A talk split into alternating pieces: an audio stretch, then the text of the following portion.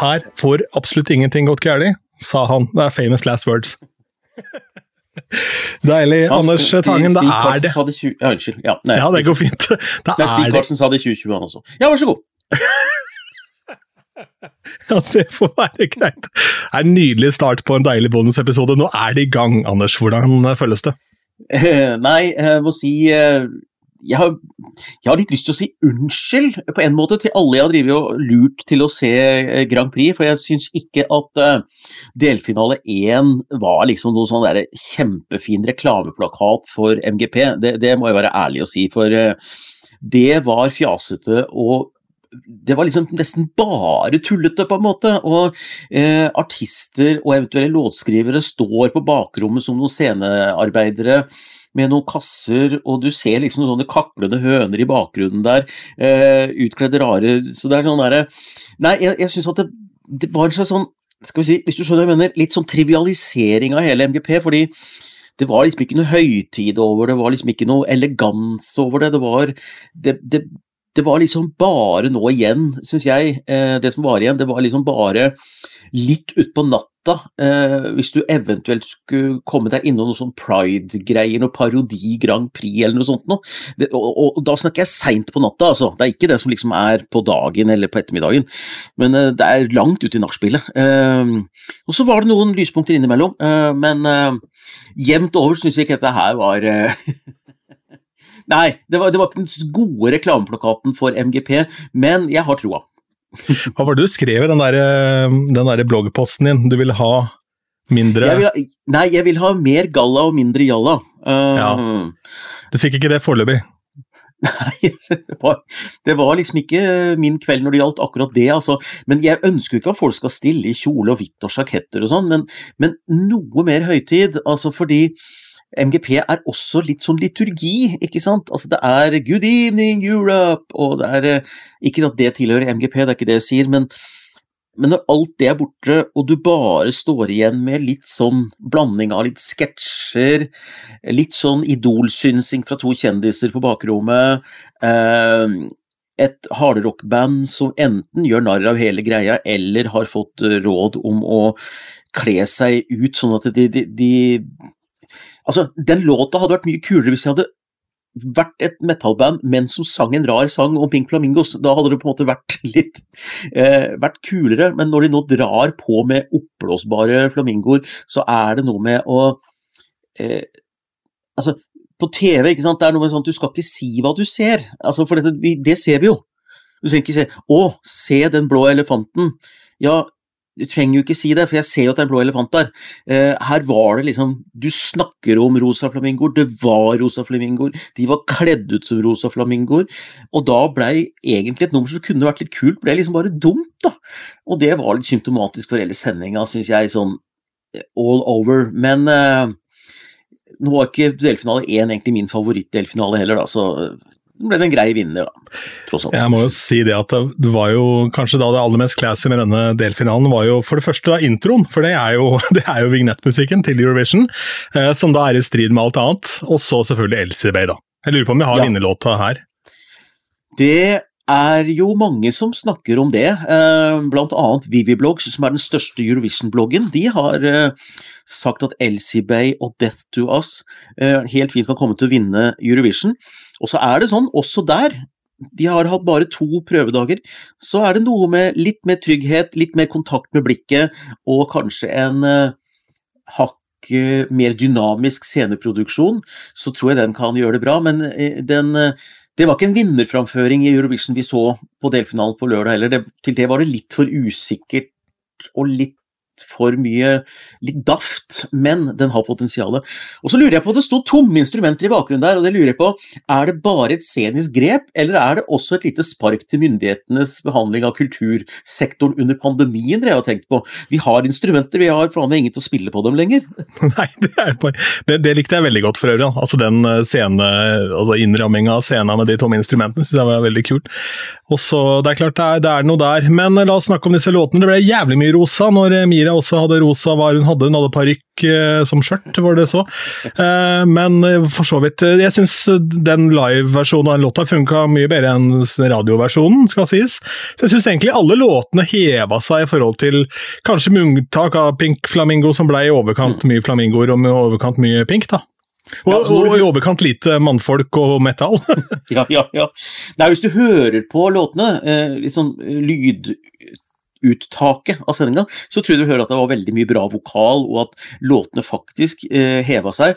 Og det var jo åpenbart, mener jeg, de to riktige som gikk til gullfinalen. Altså Elina Noeia, som altså eh, er 22 år gammel, aldri stått på TV før, og som i dette selskapet framsto nesten som den sikreste, tryggeste, mest tilstedeværende eh, og litt sånn levende på denne presentasjonen også, hvor de liksom sier Hei! Her er jeg, liksom. Det var litt sånn der, hun tok det med en sånn letthet og en selvfølgelighet, og um, tok de høye tonene som hun ikke hadde gjort noe annet. Så det var, det var imponerende, da. Og Så gjenstår spørsmålet om du liker låta, eller om det blir litt for mange høye toner stablet etter hverandre. Jeg likte det veldig godt. Jeg syns det var en moderne, kul uh, poplåt. Og um, Frode Wassel, uh, ja vel, det ligner litt på Muse uh, Uprising i beaten, men det er umulig å lage pop som ikke ligner på noe. Det var jo bare i beaten, var en helt annen melodi. så han, jeg håper han eh, får skrudd på litt mer en type utstråling jeg veit han har. Det var litt usikkerhet rundt mye rundt denne første delfinalen, men jeg, jeg, tror det kommer seg. Jeg må ærlig innrømme at jeg ble sittende og kikke voldsomt på den jakka hans, for det var noe ramsteinete over den der dobbeltspente skinnjakka der. ja, det, det, har du rett i, og, og litt litt fun fact om eh, Rammstein, da. Eh, de hadde jo en fantastisk konsert i, for to år siden, eh, og folk går dit og nikker, og dette, dette er kul industrimetall, eller hva det heter for noe, dette er dritkult, og de har så kule sceneshow, vet du. Men de skulle jo bare vite at det er jo designeren som lager Eurovision-scenene, som også jobber med, med, de om å lage denne scenen også. Det er, det er samme folk som står bak. Og det ser du jo. Det er store og spektakulære greier. Det var voldsomme greier. Jeg så en dokumentar som lå på hva heter det, Amazon Prime om Rammstein og deres reise i USA. For de var jo det første bandet som solgte ut Madison Square Garden som ikke sang på engelsk. Uh, ever. Uh, og um, det er jo litt artig også at da de spilte på Ullevål, jeg var jo der da på den konserten, og da husker jeg Aftenposten på en måte måtte sende ut et sånt varsel om at det, nei, det brenner ikke på Ullevål. Det er bare Rammstein som har konsert, for det var så mye gamle folk som bodde oppe i Ullevål Hageby, som hadde ringt brannvesenet. Så de overbelasta nødnettet med brannmeldinger fra Ullevål. Fantastisk! Så moro, altså. Ja, så det det. Men ja, Frode, det var vel kanskje den beste låta som uh, vant. Uh, ja, men jeg må innrømme det at jeg tror de kunne fått litt mer ut av disse Flamingo-gutta. altså Hvis de på en måte hadde hatt Ikke hadde vært så overkill på det, og også da hadde spilt litt på Altså ja, kanskje appellert litt mer til uh, Se og Hør her og nå-publikummet, og så gjort litt mer ut av den biten der, da. Ja, Nei, nå, nå mista de på en måte alle. Altså, de, de mista på en måte heavy-gjengen. Uh, og de mista også helt sånn vanlige folk, fordi dette her blir for rart. Fordi det er noe som tikker inn når det er Grand Prix og du skal sende noe til Eurovision, så tikker det inn en slags Vi kan mene hva vi vil om det, men det tikker inn en slags type ansvarlighet, og det er liksom Ærbødighet? Sånn, ja, ærbødighet. Nei, vi kan ikke sende dette til Torino og Italia. Og, og, det tikker litt inn, og noen ganger er vi fans litt glad for at det der tikker inn. Eh, Norge har vist seg å være et ansvarlig Grand Prix-folk. Men uh, det er jo X-faktoren i disse Subwoolfer, da, uh, hvor uh, ryktene går hardt på at det er Ylvis-brødrene. Så får vi se da etter hvert hva som dukker opp der. Men de har i hvert fall da i form av å beholde den mystikken rundt dette her, da. Og den låta vokser kraftig på meg, så der, der tror jeg fort det kan bli en viral greie med noe TikTok-push og litt av hvert, altså etter hvert.